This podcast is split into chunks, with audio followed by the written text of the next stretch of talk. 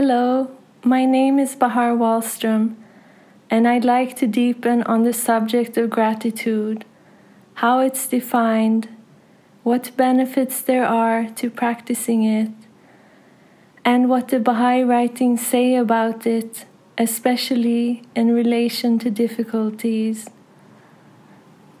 If you look up the word gratitude, it can be defined as the quality of being thankful or grateful, a feeling of appreciation for what you have, a feeling that you want to thank someone for their kindness or help. Dr. Robert Emmons, who has done research in the field, defines it as looking for or acknowledging the good in your life and giving credit to that source of goodness, to others, or to God. Perhaps you think of being taught as a kid to say thank you for the food or for a favor someone has done because it's the nice, polite thing to do. And as a grown up, saying it when, for instance, someone opens the door for you without actively thinking about the reasons for doing it. So, why then is it good to be grateful? Personally, I've noticed that writing down 10 things I'm grateful for as soon as I wake up each morning makes me focus more on positive things and fills me with good energy throughout the day. But what does science say about the benefits of practicing gratitude? According to the article 28 Benefits of Gratitude and Most Significant Research Findings by Courtney Ackerman. Research shows that gratitude journaling for five minutes a day can increase our happiness by more than 10%. This article mentions benefits like experiencing greater joy and well being, better relationships and friendships, becoming more generous and less self centered, sleeping better, lower blood pressure, exercising more, and improving one's general physical and mental health. Abdul Baha, the son of the founder of the Baha'i faith and the perfect role model for Baha'is, mentions in the book The Promulgation of Universal Peace that there are different kinds of thankfulness. One may say thank you a thousand times while the heart remains thankless, ungrateful. Therefore, mere verbal thanksgiving is without effect. But real thankfulness is a cordial giving of thanks from the heart.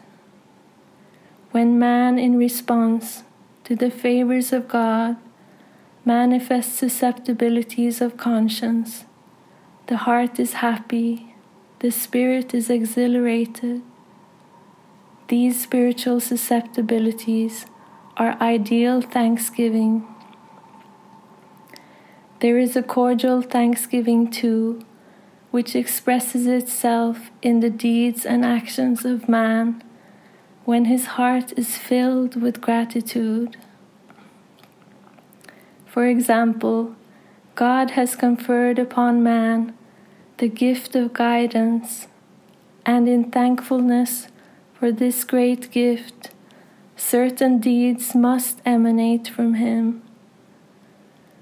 To express his gratitude for the favors of God, man must show forth praiseworthy actions.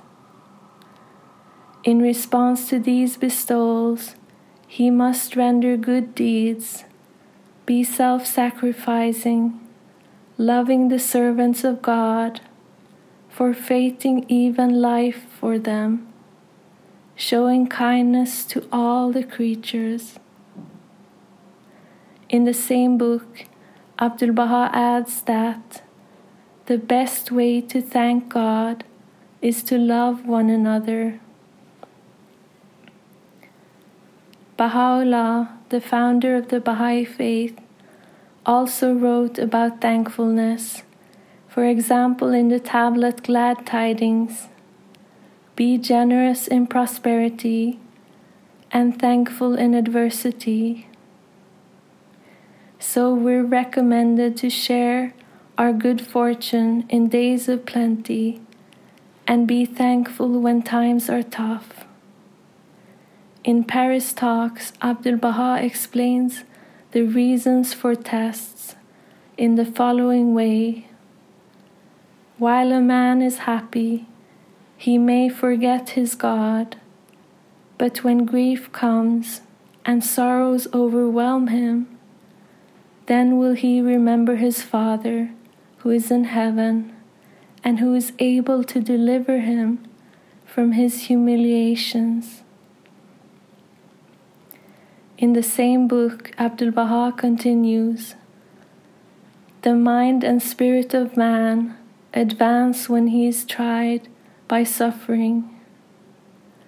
The more the ground is plowed, the better the seed will grow, the better the harvest will be just as the plough furrows the earth deeply, purifying it of weeds and thistles, so suffering and tribulation free man from the petty affairs of this worldly life until he arrives at a state of complete detachment.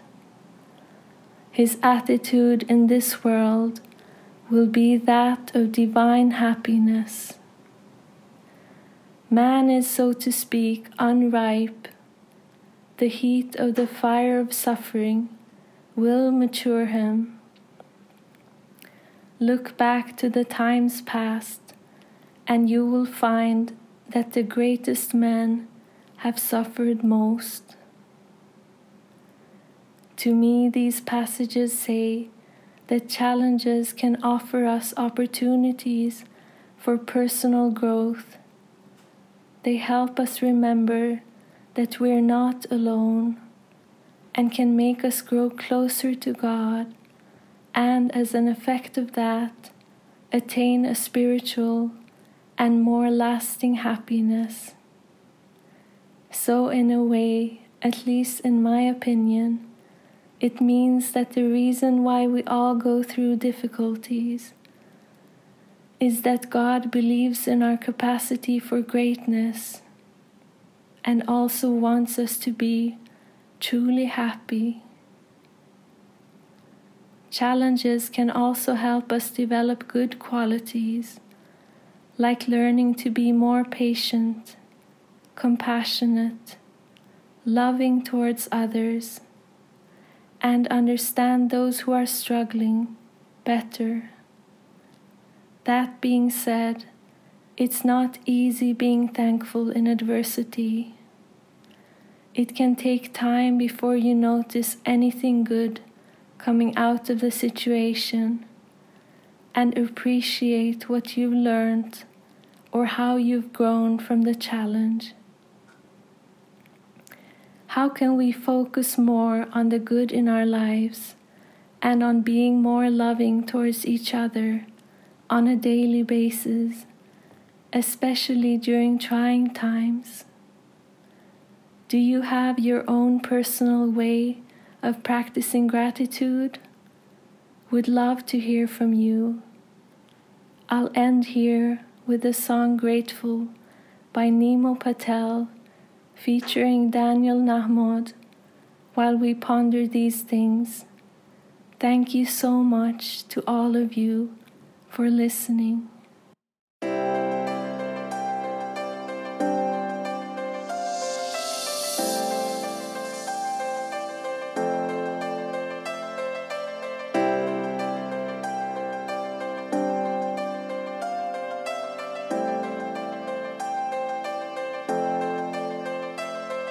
You're my life, you're my breath, you're a smile, you're my guest, you're the earth, you're the sun, you're the grass, you are love. You're my hands, you're a bug, you're my eyes, you're a hug, you're the light in the dark, you're the spark, you are fun. You're my mom, you are water, you're the stars, you're my daughter, you're my friend till the end. You're my dreams, you're my father, you're the ants on the ground, the miracles that surround. I'm feeling it all around, the hemisphere in the clouds. You're my pain, you're my sorrow, you're my hope for tomorrow. You're the strength when I'm hollow, you're the path that I follow. You're the blessings that exist, the small things that are bliss, the gift All that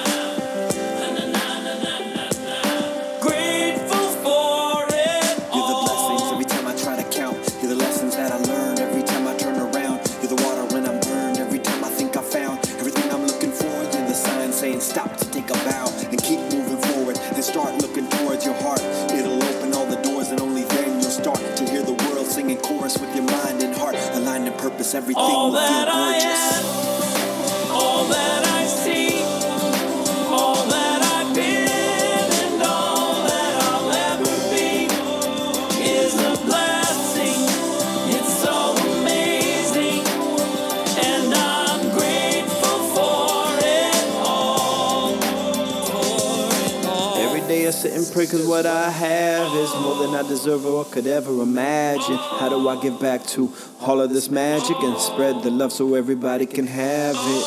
Doesn't matter if I'm rich or poor, if I got a family or if I'm all alone. Bad things happen, I can just complain and moan. But there's a million things that I can be grateful for.